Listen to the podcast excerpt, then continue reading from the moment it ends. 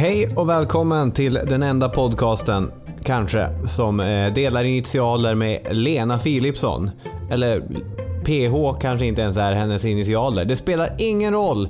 Det här är partiernas historia och idag ska vi prata om Vänsterpartiet. Välkomna!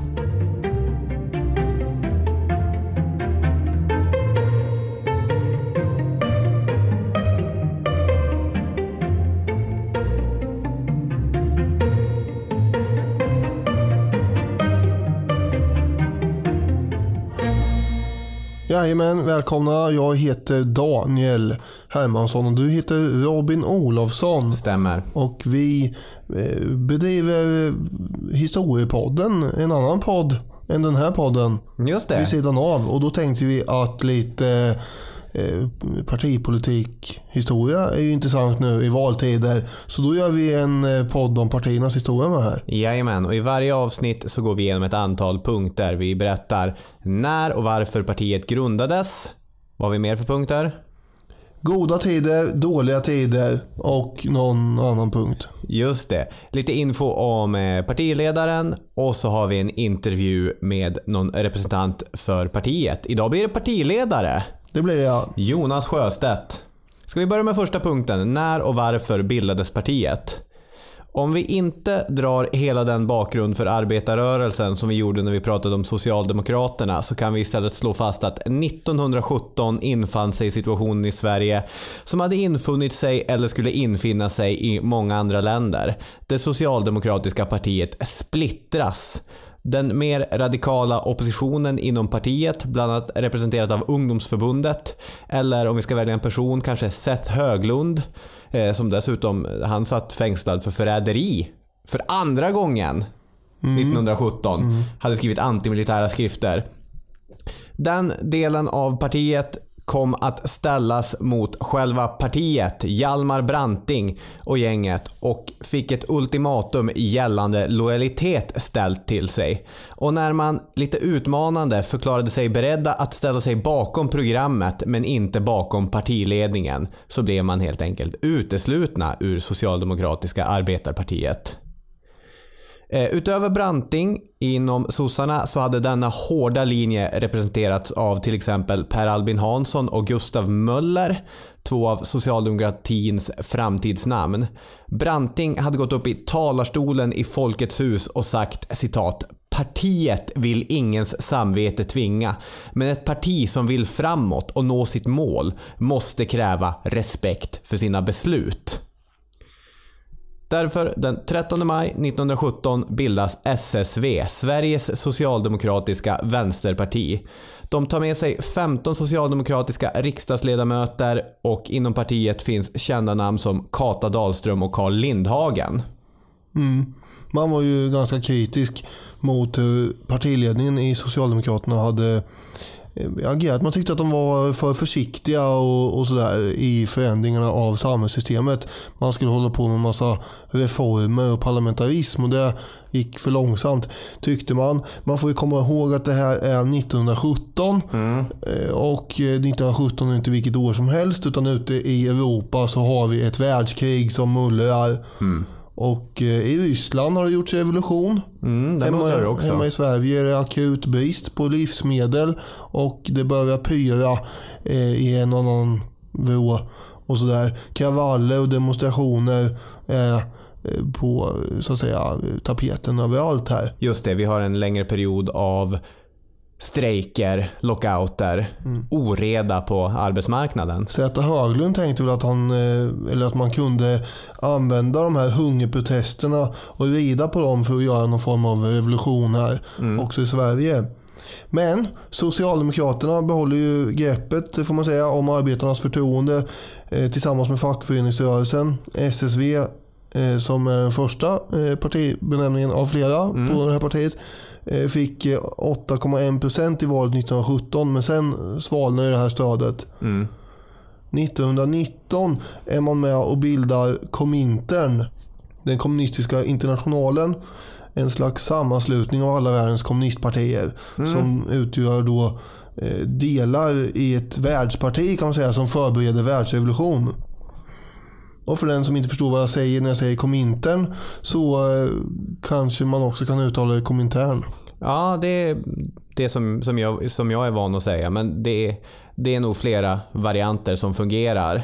Mm. Efter, alltså kommunismen är ju en ideologi som inte känner några nationsgränser. Proletärer i alla länder förenar eder, som det stod i Karl Marx kommunistiska eh, manifest. Det var inte eh, proletärer i ett land förenade er. Utan Nej, det var ju klasslojalitet snarare. Problemet är ju att största delen av Komintern, mm.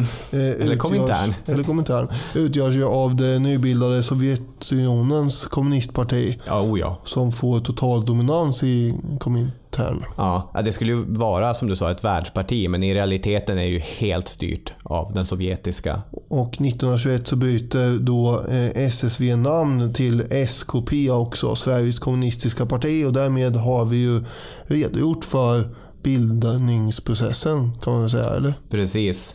När jag pratade med Jonas Sjöstedt, vilket ni får lyssna på senare, så lyfte han tiden direkt efter splittringen som på ett sätt den bästa tiden och en otroligt spännande tid. Det man får säga att det ganska snabbt kapsejsade. SSVs enda egentliga förenande länk var att alla var mot den socialdemokratiska partiledningen.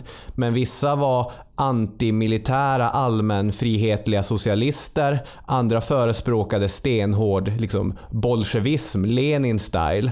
Så när välröken hade lagt sig så återvände ju många av dem, inte bolsjevikerna då kanske, de återvände ju hem till Socialdemokraterna.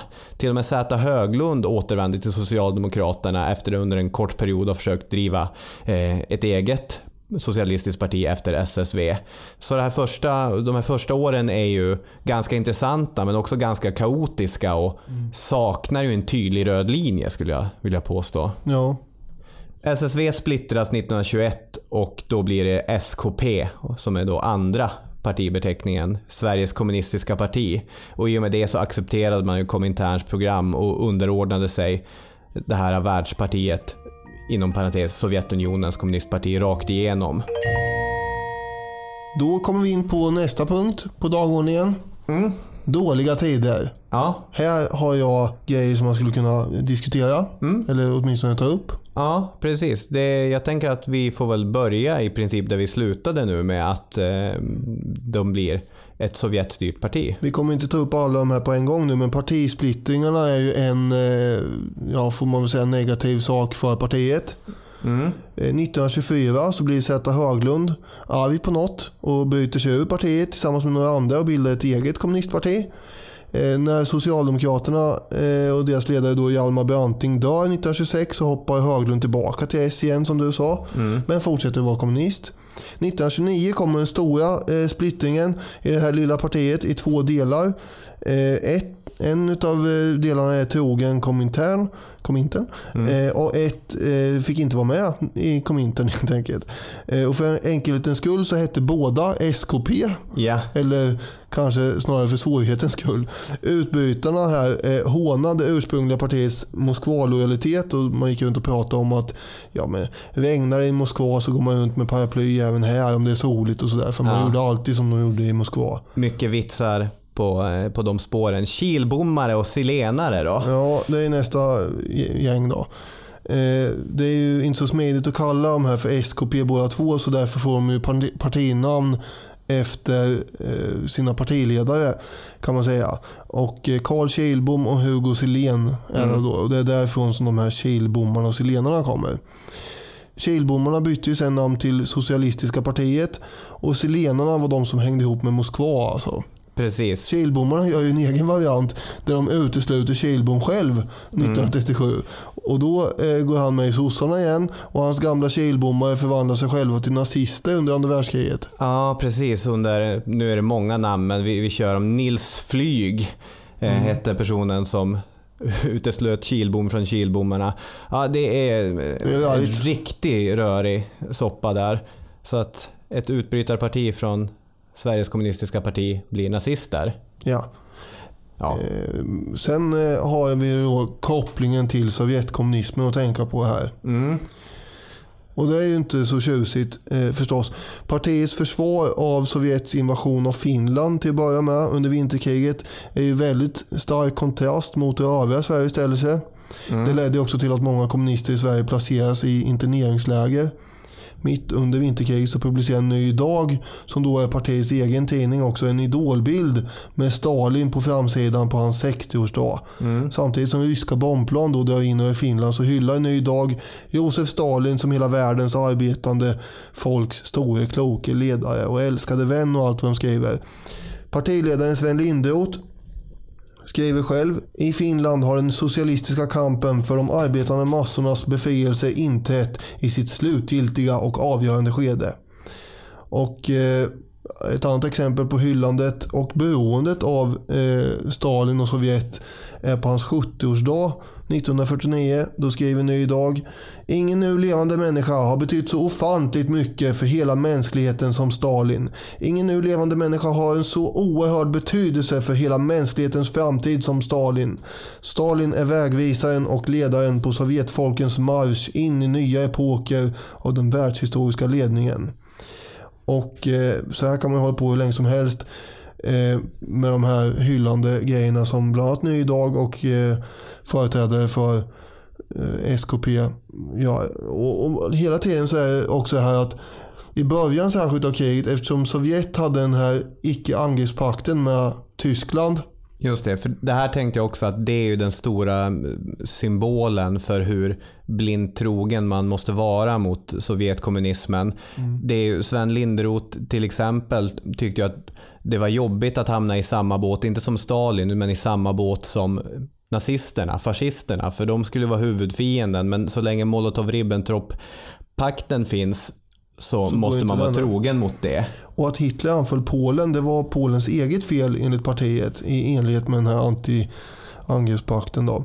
Och att Norge ockuperades av Nazityskland var inte heller Hitlers fel enligt partiet. Istället var allt Englands fel. För det var ju England som hade lagt ut mineringar i norska farvatten dagen före Tysklands invasion. För att, det hade man gjort för att stoppa järnmalmsexport från Sverige. När alla andra insåg egentligen att en operation som innebär att man invaderar två länder, det vill säga Danmark och Norge, från Tysklands sida, den behöver längre planering än en dag. Så vägrar man att gå med på det på SKP. Utan eh, nu idag, de menar väldigt tydligt på att nej, det här är Englands fel. Eh, att de hade brutit då Norges neutralitet och, och sen eh, samma dag eller dagen efter så kom det en reaktion från Hitlers sida. Då. Och man skrev att det här var ett oerhört övergrepp, en direkt provokation av västmakterna för att driva Nordens stater i krig. Man eh, hyllade ju inte Nazitysklands invasion. Och, eh, det här, så långt gick man inte. Eh, men man slätade ju över och rättfärdiga Tysklands ockupation av Danmark och Norge. Och när Sovjet däremot sen drar igång med sina invasioner Eh, då vet jublet nästan inga gränser. Stalin har ju då tvingat in de baltiska staterna i sådana här biståndspakter som man eh, sen då anser att de har brutit mot och det motiverar de här invasionerna. Eh, Ny Dag skriver 26 juni 1940 under den mäktiga Röda arméns beskydd kan de nu i fred och frihet bygga upp det fria, på folkets vilja grundade samhälle som västmakternas kapitalister och Tysklands socialdemokrater för ett tjugotal år sedan med väpnat våld förhindrade dem att skapa. Och då pratar man ju om de baltiska staterna här. Bara i Estland så avrättar man ju 1950 politiker omgående nästan, industriägare, och militärer och sådär. Det här är ju sånt som Sånt som motsäger SKPs versioner av både Stalin och kommunistiska övergrepp betecknar man ju som ren och skär västlig eh, kapitalistisk propaganda bara. Man är ju som du säger väldigt blind här inför eh, varianter av verkligheten. Jo, absolut. Och det som är signifikant för den här perioden är att man har inte kontroll över sitt eget parti. Man har inte kontroll över vilka som ska uteslutas eller hur man ska resonera över grejer. Utan det är Sovjet som har Ja, för det är det som är grejen här. Om man tycker att, ja men nu vänta här nu, det skulle handla om det här partiets eh, historia i Sverige. Eh, och varför pratar de om utrikespolitik hela tiden då? Det är för att det är väldigt Eh, det går inte att prata om den här perioden utan att, tänka på Sovjetunionens kommunistiska parti. För de är extremt intimt bundna och styrda från Moskva ända fram till 1960-talet. I princip allt som partiet gör eller tycker hänger ihop med vilket förhållningssätt som man har till den här saken i det sovjetiska kommunistpartiet. Ju. Sen är det lite tråkigt att det, det, blir det man måste prata om under den här perioden, under bad times. Sven Lindroth till exempel är en ganska intressant eh, person och som statarson så är inte den typiska, eh, vad ska man säga, politikern som vi har i, i svensk politik. Ja, det fanns ju Gunnar Sträng var statarson också men eh, det finns ju ett riktigt arv från svensk arbetarrörelse i många av de här ledarna men blindheten mot och kontrollen av Sovjet innebär att det måste bli the bad times. Det finns ingen som kan argumentera mot det. Vi har några andra eh, punkter under den här perioden, under den här rubriken med. Eh, man får ett kort uppsving i väljarstödet eh, under slutet av andra världskriget. Då är ju Sovjet för det första allierat med västmakterna och eh, sådär. De håller på att vinna kriget och, och, så. Så då går det bra i valet 1944. Men efter det så är partiet väldigt isolerat i svensk politik under hela efterkrigstiden. Ja, det blir ju ett kallt krig. Mm.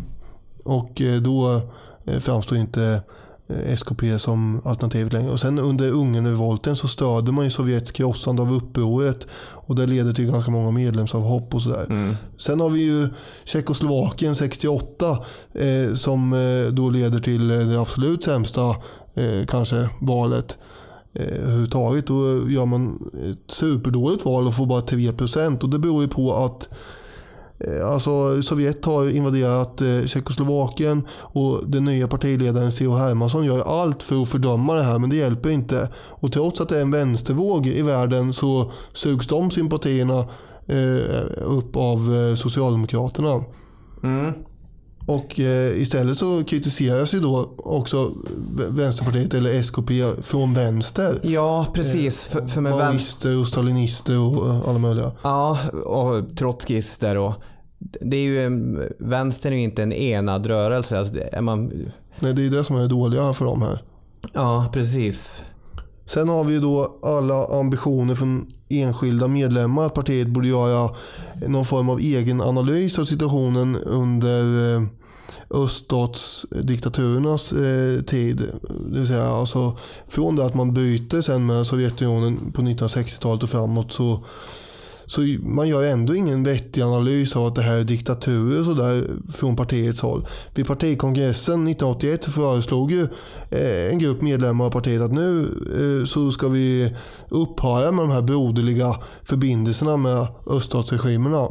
Men det förslaget röstades ner med 75% och partistyrelsen vägrar att se på de här öststaterna som partidiktaturer. Och man sa att nej, några egna studier av det här och demokratifrågor i öster kan vi inte ägna oss åt för det har vi inte resurser till. Och då har en av de som eh, presenterade det här förslaget och sen hoppade av skrivit så här. Aldrig ska jag glömma hur partikongressen applåderade när partistyrelsens eh, föredragande hävdade att VPK, som är en ny partibeteckning då ja, mm. från 67, saknade resurser att analysera förhållandena i öststaterna till de berörda folken. Detta sagt av en VPK-ledning som annars anser sig ha underlag och anledning att uttala sig om konflikter över hela världen. Eh, och det här är ju då, nu är vi framme på 80-tal under Lars Werners period. Och eh, han, eh, han eh, såg ju på de här eh, staterna att, att man hade en grundläggande gemenskap med de länder som byggde socialismen som han sa. Eh, och det är länder som har diktatorer som Brezhnev, Honecker, Ceausescu och Kim Il-Sung vill jag påpeka. Mm, precis, jag tänkte snacka mer om Lars Werner mm. Eh, vad det lider. Men, men, absolut, från 1964, lite grann beroende på vilken historieskrivning man läser, men då börjar ju ett, ett, långsamt, eh, ett långsamt förväl, som Mauro Scocco skulle, skulle kalla det, med med Sovjetunionen. Där börjar en viss självständighet infinna sig även om, jag vet inte, moderna representanter brukar ju säga det skedde inte nog, det skedde inte nog starkt men från mitten av 60-talet så, så finns det ju mer självständighet.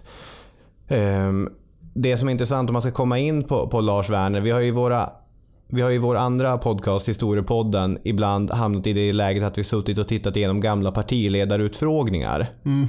Och ofta så sitter ju Lars Werner där. Ja, jo. Mellan 1975 och 1930, nej inte 33, 1993 så satt ju Lars Werner där.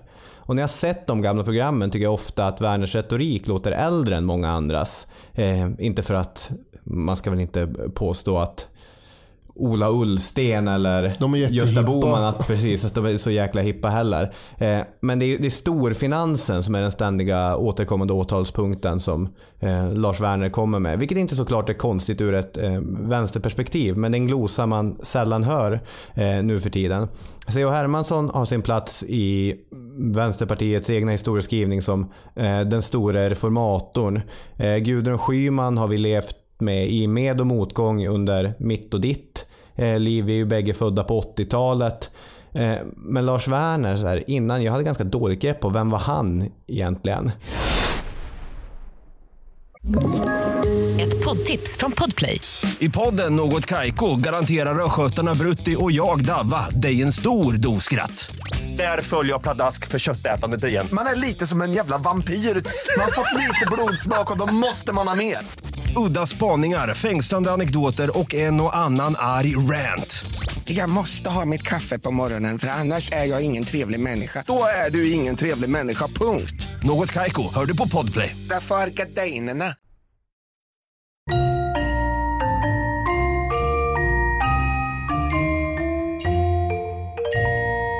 Jag snubblade över en fokusartikel av Anders Jonsson om Lars Werner. Jag tänkte bara dra några korta grejer som, jag kom, som stod i den artikeln helt enkelt.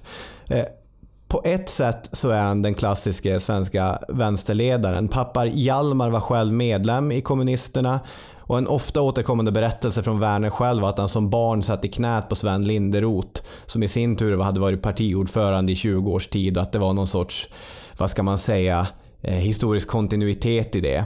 Werner var i grunden murare och man kan säga att han var en representant för den typ av partiledare som inte längre skulle flyga eh, i, i dagens mm.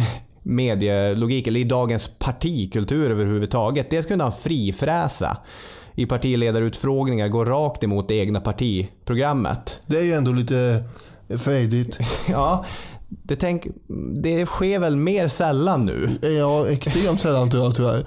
Det, man vill ju ha lite mer spontanitet. Ja, har vi sagt så? Nej, jag vet inte. Eh, framförallt är det ju relationen till de här icke-demokratiska vänsterregimerna som du var inne på man tänker på. Den östtyska ambassadören Wolfgang Kieswetter och Werner var goda vänner och i ett uppmärksammat Uppdrag granskning som sändes 2004 eller så, så eh, förekom information om att Lars Werner var bastade på ambassaden. Ja, det är mycket bastande och drickande här. Ja, eller att han precis, han tiggde sprit inför sin 40-årsfest. Eh, och partiet det får man säga är nästan det klassiska svenska politiska exemplet på dålig timing. Partiet gratulerade DDR på 40-årsdagen månader innan muren föll för decennier av, av lyckat styre. Eh, det skulle såklart inte flyga idag och det ligger ju fortfarande partiet i fatet. Det är egentligen hans politiska arv om man tycker att svensk vänsterrörelse som har splittrats i så många olika konstellationer, att det har splittrats nog. Du, du lyfter ju själv fram det här att den, den ständiga splittringen som en av det som talar mot dem. Men vänstern var ju under den här epoken, får man säga, ett parti med en enorm intern splittring. Kanske borde de ha splittrats fler gånger. Eh, för när man börjar röra sig mot ett mer allmän socialistiskt, eh, mer fritt alternativ, då blickar man ju på situationen i Danmark och i Norge. Mm.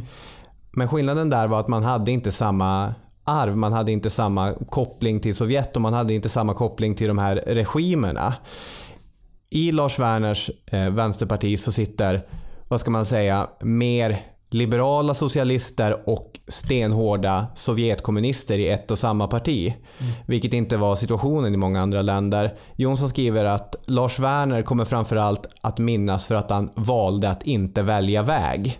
Mm. Att man bara liksom tuffade vidare. Mm. Samtidigt under Werners ledarskap, om man ska börja komma in på eh, goda tider, så fick Vänsterpartiet som 1990 spolade Vänsterpartiet kommunisterna och bara blev Vänsterpartiet. Det hade man kanske inte så mycket val i och för sig i och med att vi stod inför ett Sovjetunionen som snart inte skulle finnas längre. Nej, det var, det var nog läge. Mm, man blev faktiskt en del av det parlamentariska underlaget på allvar. Valet 1982, som det finns ett helt avsnitt om av Historiepodden. Pausa och gå in och lyssna på det vet jag. Där vann Socialdemokraterna regeringsmakten för första gången på tre val. Men man behövde VPK med i sitt underlag för att man skulle kunna ta tillbaka makten. Så har det varit ganska ofta. Jo, och i regel så har man ju inte behövt ge så mycket eftergifter Nej, till vänstern. verkligen inte. För de har ju hamnat i det läget att antingen så släpper vi fram Socialdemokraterna eller så Släpper vi fram kapitalisterna. Ja, precis. Vilket också har gett till mycket, vad ska man säga, intern kritik. Men den här gången då, 82, vallöftena som Palme hade kommit med, de skulle finansieras med hjälp av höjd moms. Framförallt höjd moms på vissa eh, livsmedel. Och det här ledde till att vänstern hotade att sänka regeringen. Mat var för dyrt redan som det var ansåg man. Och man hotade med att tvinga fram ett nyval. Och som jag har förstått det här så fördes inga förhandlingar bakom lyckta dörrar. Utan vad som hände var att Palme och Werner gjorde upp om det i talarstolen. Det är ju ganska uppseendeväckande. Den ena går upp, den andra går upp och kompromissen blir sänkta mjölkpriser genom subventioner. Det här skulle jag eh, ha väldigt svårt att se hända idag. Bara, Jaha, säger du det? Ja, nej men eh, okej, vi gör så här med det och sen kommer vi överens och bildar en regering då. Ja, ja. Och så stödjer du det. Precis. Absolut, bara eh, liksom ta bort momsen här. Ja, så Jonsson skriver i sin artikel att efter, efter den eh, riksdagssammankomsten så var det ingen journalist som gick och tog en kaffe när Werner gick upp i talarstolen längre. Där kunde det hända grejer. Och Per T. Olsson skriver i sin bok om svensk politik att det här är typ av trendbrott.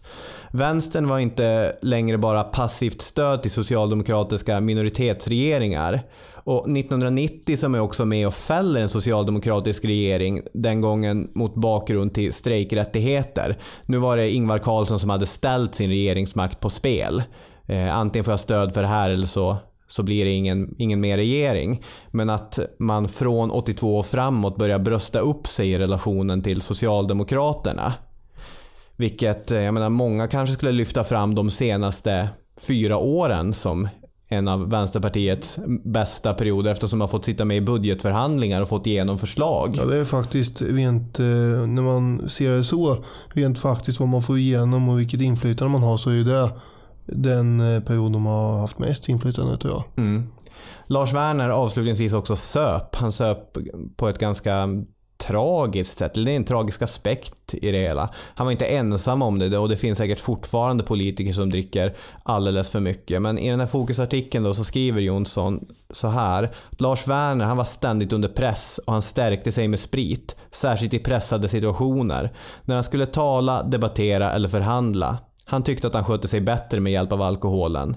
Vanan accelererade från mitten av 1980-talet. Förfallet var särskilt märkbart de tre sista åren mellan 1990 och 93 då han förstod att partiledartiden snart var över efter att ha blivit utmanad av Gudrun Schyman, damen som han nedlåtande kallade henne.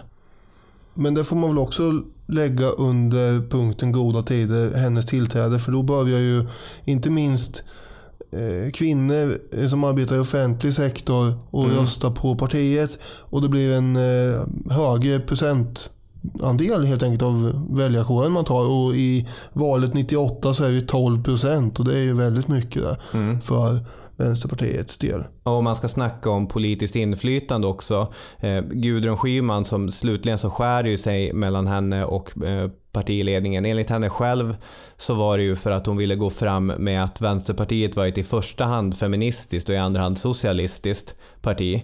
Vilket man inte riktigt var beredd på att det skulle vara i, i omvänd ordning. Men, men feministiska frågor efter de här starka valen, framförallt valet 1998, det är ju inget parti som inte har råd att eh, ta det på allvar. Den sista partikongressen som hon eh, är partiledare på också, den eh, präglas ju också av eh, den här eh, diskussionen om eh, ja, förhållandet till eh, ideologin kommunism och sånt där. Och eh, hon förlorar ju den eh, bataljen. Hon är ju den som då tillhör de här förnyarna som försöker förändra partiet åt ett annat håll än vad man har haft tidigare. Eh, Men det går ju åt skogen och eh, man kan väl helt enkelt säga att eh, traditionalisterna, de gamla kommunisterna, eh, tar makten igen i partiet under Oli och andra. Det är ganska hårda formuleringar som utdelas på där, den där partikongressen från talarstolen som är tämligen häpnadsväckande egentligen. Men hon ryker efter det. Och då var året 2003 alltså. Mm, det ligger ju henne i fatet att hon döms för skattefusk. Och hon har också problem med alkohol. Ja, det är en sak som hon ärver från Werner på det sättet. Ja, vi är vidare på nästa punkt. Kuriosa om partiledare. Ja, Nu kan man väl säga att mycket av det jag sa om Lars Werner hade platsat under den punkten. det får man nog faktiskt hävda ja. Men eh, vi kanske ska säga något om eh, C.H. Hermansson som då är den som, eh, som du sa, försöker eh, ja, vrida partiet och bort från eh, Sovjet. Och då kan vi börja 1956 för då händer grejer i just Sovjet. Där eh, eh, Nikita Khrushchev eh, som är ny generalsekreterare har hållit ett eh, dånande tal emot Stalin och eh, tar avstånd från hela Stalins tid. Och eh, det är en eh, partisekreterare för SKP som heter Erik Karlsson som blir uppkallad till sovjetiska ambassaden i april 1956. Där får Karlsson sätta sig ner och eh, titta på det här talet som är då på pränt. Han får inte göra några anteckningar eller någonting. Men han eh, får försöka komma ihåg det. Så fort han kommer ut därifrån eh, så åker han ju till närmsta papper och penna och skriver ner allting som han har kommit ihåg. Sen ska det här rapporteras då till partiet eh, om den här omsvängningen i Moskva för hela partistyrelsen och de blir fullständigt förfärade och bestämmer sig för att nej, men det här måste vi hemligstämpla eh, omgående. Partiledaren då heter Hagberg och han beskrev allt det här som en förbannat otäck historia. Vad håller de på med där borta i Moskva? Eh, Den enda som tyckte att det var rätt att berätta det här för eh, medlemmarna det var en herre som heter C.H. Hermansson. Och eh, han kommer då sen vara den som blir partiledare 64 och Kjell Albin Abrahamsson eh, som då har skrivit böcker, han eh, är ju tendensiös eh, får man väl påpeka. Han röstar inte på Vänsterpartiet. Nej. Eh, Men han eh, beskriver då eh, C.H. Hermansson som en person som är småmysig jämfört med de tidigare betongkommunisterna. Och apropå det du sa om med Lars Werner tidigare och eh, fikapauser när folk gick iväg. Eh, Det eh, hade man tydligen haft som sedvana att göra varje gång det gick upp en kommunist i talarstolen i riksdagen. Men eftersom Hermansson var så välformulerad rapp och skicklig debattör så gick man inte nödvändigtvis på eh, fikarast i riksdagen längre när han gick upp i, i talarstolen. Göran Hägg har skrivit att Hermanssons massmediala charm kontrasterade starkt mot de föregående politikernas gråtrista hårdhet. Ja, Ja, det är apropå välformulerat. ja absolut. Det är välfunnet. Abrahamsson menar ju också att CH i och för sig var en slug och slagfärdig herre som eh, var Sveriges sista stora stalinist. Och sådär. Han var eh, han höll ju hårt den här linjen att till exempel Koreakriget det startades ju av syd. Sydkorea alltså. Ända fram till alltså 1975 så menar han på att eh, kommunisterna var de som hade gjort rätt i eh, finska vinterkriget 39 och det är ganska sent att hävda det 1975. Eh, och eh, han tog ju tillbaka alla de här hyllningarna han hade eh, själv levererat till Stalin och sådär. Det skyllde han på ungdomligt oförstånd, Hermansson. Eh, och tidsandan. Dock så var han ju en välutbildad 36-årig karl när han gjorde de här uttalandena.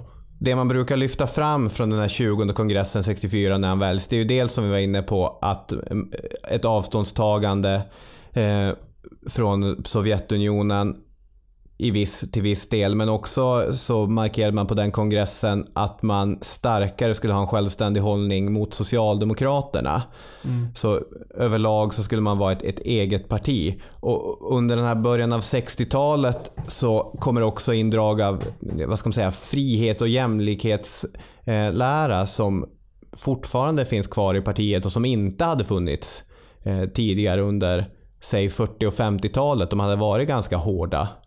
Eh, alltså som, det, som Göran Greider sa, betongkommunister.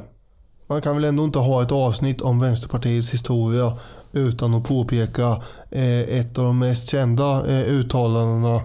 Någon jävla ordning får det vara i ett parti. Mm, vilket sitter broderat eh, på Jonas Sjöstedts kontor Gör också. det där? Ja, det gör det. Ja. Som en liten bonad ovanför en skrivbord. Grejen med det var ju att det var inte särskilt vanligt att stå och svära i talarstolar överhuvudtaget. Så det förstärker ju alltihop också. Men det där går med att tolka som någon form av eh, ja, men nästan desperation för att hålla ihop partiet som just då eh, var, dels som du var inne på, ganska splittrat och sen fanns det en massa andra olika små grupperingar runt omkring som gärna ville eh, ta på sig rollen som eh, det stora st- Vänsterpartiet. Så, så han hade mycket att, tänka på där och det var då han drog till med det här, någon jävla ordning får det vara, C.H. Hermansson. Vi går vidare till nästa punkt. Bollar över bollen till mig där jag står någonstans på Vänsterpartiets kansli. Okej, då har vi som genom teleportering förflyttat oss från studions tryckt vadderade väggar till den programpunkten där vi nyfiket gläntar på partiets egen dörr och skaffar oss ett insiderperspektiv. Och jag sitter här med Jonas Sjöstedt som är partiledare för Vänsterpartiet. Välkommen till podden. Tack så mycket. Tack för att vi och jag fick komma hit. Ja, vi brukar börja med att ställa en fråga eh, om historia är viktigt för partiet eh, och om eh, partiets historia påverkar eh, den riktning som partiet tar framåt helt enkelt. Är partiets historia viktigt för, för partiets nutid? Va, hur skulle du svara på en sån fråga? Nej, men jag tycker att det är viktigt därför att det finns ju lärdomar. Alltså det finns ju både positiva lärdomar och ett arv, men det finns också för mitt parti ganska grundläggande smärtsamma lärdomar att dra också av misstag i historien. Och jag tycker att det, det har betydelse. Och det kanske har särskilt stor betydelse eftersom vårt parti är så ungt i den meningen att de flesta medlemmar har varit med i två, tre år i partiet. Vi är ju ett parti som växer ganska kraftigt och har rätt unga medlemmar och så också. Så att jag tycker att det är viktigt att det finns en sorts koppling bakåt till de här både lärdomarna och till de positiva traditioner som finns. Och jag skulle lyfta fram några saker som jag tycker kommer tillbaka. Det ena är ju vänsterns historia har varit pådrivare för reformer. Det socialdemokratiska vänsterpartiet som bildades för drygt 100 år sedan, 1917, det kom ju ur rösträttsrörelsen kan man säga. Det första punkten när man träffades på kongress, det var allmän rösträtt. Och var pådrivare för åtta timmars arbetsdag och sen en rad sociala reformer. Men också många värderingsfrågor som, som att man skulle ha rätt till abort och, och kvinnans frigörelse och så småningom hbtq-kamp och annat också. Och där finns det ju, tror jag, i Vänsterpartiet en sorts Ja, man känner att en samhörighet med den liksom kravet. De ofta var först med att föreslå saker och var liksom en pådrivare. Sen var det ju också en lång period i partiets historia, från 20-talet fram till C.H. Hermansson blev ordförande, då partiet var ju lojalt med Sovjetsystemet så att säga. Och det var ju en man säger, stegvis och ganska smärtsam omprövning för partiet där man fick inse att man hade gjort helt avgörande fel i den lojaliteten. Och ur det så drog man ett antal slutsatser om demokratins överordnade betydelse, om att inte följa vad andra partier och länder säger, om pluralismen i samhället och sånt där också. Som, om man läser vårt program och sådär också, som är, ska jag säga, levande i partiets historia. Ungefär samtidigt med den liksom, omprövningsprocessen så breddades också partiet från att bara vara ett socialistiskt parti till att bli ett feministiskt och ett grönt parti också. Och den kan man säga fleridentiteten av att vara både vänster, gröna och feminister, den finns ju kvar fortfarande. Man kan säga att jämlikheten går som en röd tråd. Så det finns en, en dubbel historia. Omprövningar, men också stolthet över att ha varit pådrivare mycket av det bästa i det svenska samhället. Mm, just det. Ehm, de här äh, nyanslutna medlemmarna, alltså två, tre år, de flesta har varit med. Om de ställer en fråga om, om partiets historia, säger du då att ja, men det är hela arbetarrörelsen eller ska man börja titta 1917 eller är det 1964 med, med C.H. Hermansson och den, den splittringen? Är det, är det där man, man börjar eller tar vi med oss allting? Nej, vi firade ju 100-årsjubileum för något år sedan. Vi tog med allting och för mig var det viktigt. Därför att jag tror att man, annars skulle man säga att det där är någonting gammalt som vi inte har med att göra. Mm. Men det är en del av historien. Och jag tror att om man säger att man är klar med historien, då slutar man att lära av den. Då skjuter man liksom undan den.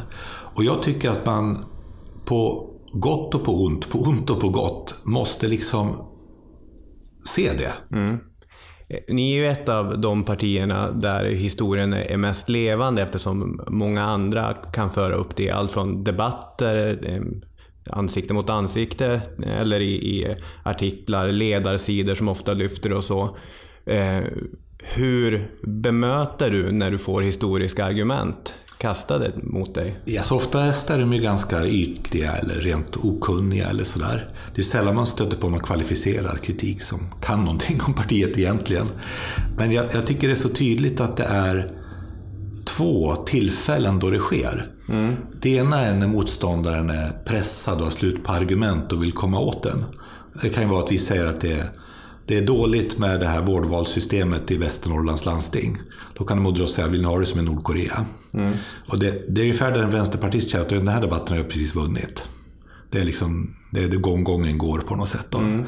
Det andra som har kommit de senaste åren, det är att vi används som ett argument för att normalisera Sverigedemokraterna. Det hade jag precis det hade jag tänkt fråga om. Jag hörde Ebba Busch Thor säga det i Aftonbladets utfrågning om, om kan man prata med Sverigedemokraterna. Titta på Vänsterpartiet, det är ett parti som vi kan eh, som man i vissa frågor kan samtala med. Precis, och de, de, de i borgerligheten då som vill bygga makt på att göra sig beroende av Sverigedemokraterna. De har ju ett behov av att säga att Sverigedemokraterna är rätt okej.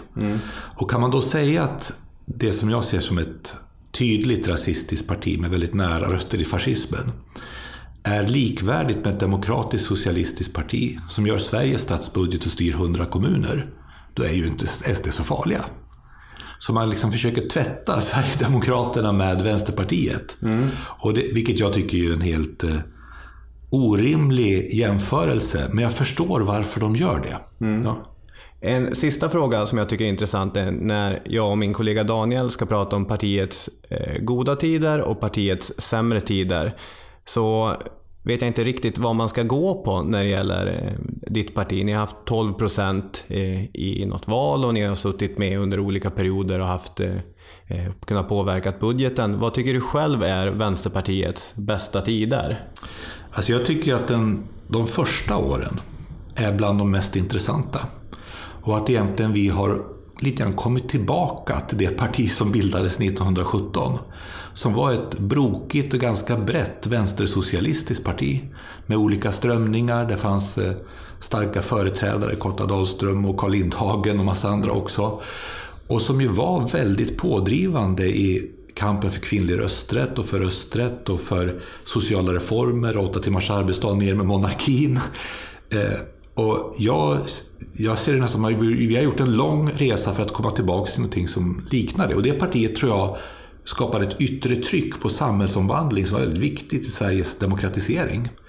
Och som också hävdade idéer som sen har brutit igenom i samhällsdebatten. Sen är det klart att eh, vänstern har också format majoriteter för de stora sociala reformerna i Sverige. Även om Socialdemokraterna har varit störst så har man sällan varit majoritet. För att genomföra ATP så behövdes bägge partierna och när man har genomfört lagar om medbestämmande och semestrar så har ofta vänstern varit pådrivare. Sen har ju inte bara vi varit ett parlamentariskt parti. Man ser på skogsarbetarstrejk och gruvarbetarstrejk och annat också som ledde till att arbetarklassen fick betydligt bättre villkor. Så var det ofta vårt folk som var där och som faktiskt gjorde de här sakerna. Eh, Sen menar jag att feminismens genombrott i Sverige är självklart inte bara vänsterns förtjänst. Men eh, jag skulle säga att inget annat parti har betytt så mycket för att feminismen har brutit igenom som politisk fråga i Sverige. då. Okej, då tackar vi så mycket för att eh, du tog dig tid. Tack, tack. Han hade ju lite svårt där med vad som var de goda tiderna egentligen. Annars har ju det klassiska svaret hos många partier varit de hoppas vi kommer i framtiden. Ja, det är ju lätt att säga i alla fall. Ja, eller kanske bara säga ja, men nu har vi haft inflytande. Istället så, så pekar han på, på 1917 som är en spännande tid. Det har han ju såklart rätt i. Det är ju en, en oerhört spännande historisk period överhuvudtaget. Men det här med reformer som han är inne på, det är intressant. Eh, 2002 så krävde ju, eller krävde, så behövde ju Socialdemokraterna både Miljöpartiet och Vänstern med sig. Göran Persson behövde dem för att kunna fortsätta vid makten. Och det skulle kunna stå som ett exempel för Persson eh, får kompromissa ett 121 punkts program samarbete mellan partierna. Låter som många punkter. Ja, nästan som att det skulle vara 121 punkter. Ja, eh, så är det också. Och utöver det här eh, programmet så fick både Miljöpartiet och, och Vänstern departementstjänstemäns Åtta stycken var. Mm. Minsann, minsann. Men man fick väldigt dåligt genomslag eh, från vänsterns sida eh, med sina krav eller sina förslag. Det handlade om kortare arbetstid, det handlar om höjd skatt för vissa grupper höginkomsttagare och så vidare. Och de som gick igenom så, för att citera Nina Brevinge i Fokus, i slutändan var det ändå Socialdemokraterna som tog, tog åt sig äran för den politiken. Och det där kan man ju hitta egentligen under fler perioder. Alltså han lyfter 1917 och den eh, kampen för, för kvinnlig rösträtt. Men eh, ATP-omröstningen och eh, diskussionen och, och debatten kring eh, tjänstepension och sådär. mm, Eh, det var de också eh, för. Men det, var ju, det är inte det man tänker på i historien att det var de som genomförde det. Vänsterpartiet inte. nej precis, rösträtten det kommer de ju aldrig kunna brotta ifrån Liberalerna och Socialdemokraterna. Nej, det blir väldigt knepigt det. Och ATP sitter ju som en socialdemokratisk eh, smocka. Det var ju Olof Palmes go-to-argument när han blev stressad. Vi genomförde ATPn. Det var ni borgerliga emot. Sen under den här perioden också så kanske rösträtt det betraktar man ju som en borgerlig hittepå eh, variant av demokrati överhuvudtaget. Så någon rösträtt kanske man, om man ska vara helt ärlig, inte var det man ville ha mest av allt från Vänsterpartiets sida. Nej, men och det visar ju också att 1917 så fanns det allt. Det fanns ju rena socialdemokrater till rena bolsjeviker i partiet också. Ja. All right. Där har vi någon sorts brokig historia om Vänsterpartiet. Ja, den är ju lite snurrig med många. Man brukar prata om eh, bokstavsvänstern också. Det är ju inte eh, Det blir många bokstavskombinationer om man ska dra hela harangen med vad man hetat och vad andra grupperingar också har hetat. Ja, vi har ju medvetet hållit ärrare och andra utanför. Ja, det är inte där. det här partiet heller riktigt. Nej, och det är nog många bokstavskombinationer som det är. Tack så mycket för idag. Hej då Daniel! Tack så mycket. Hej hej.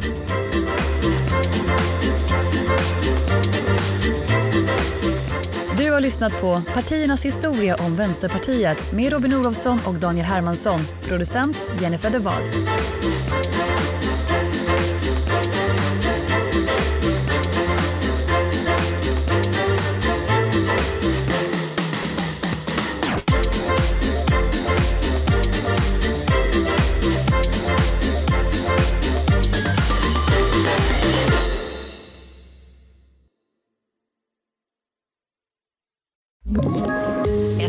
Poddtips från Podplay.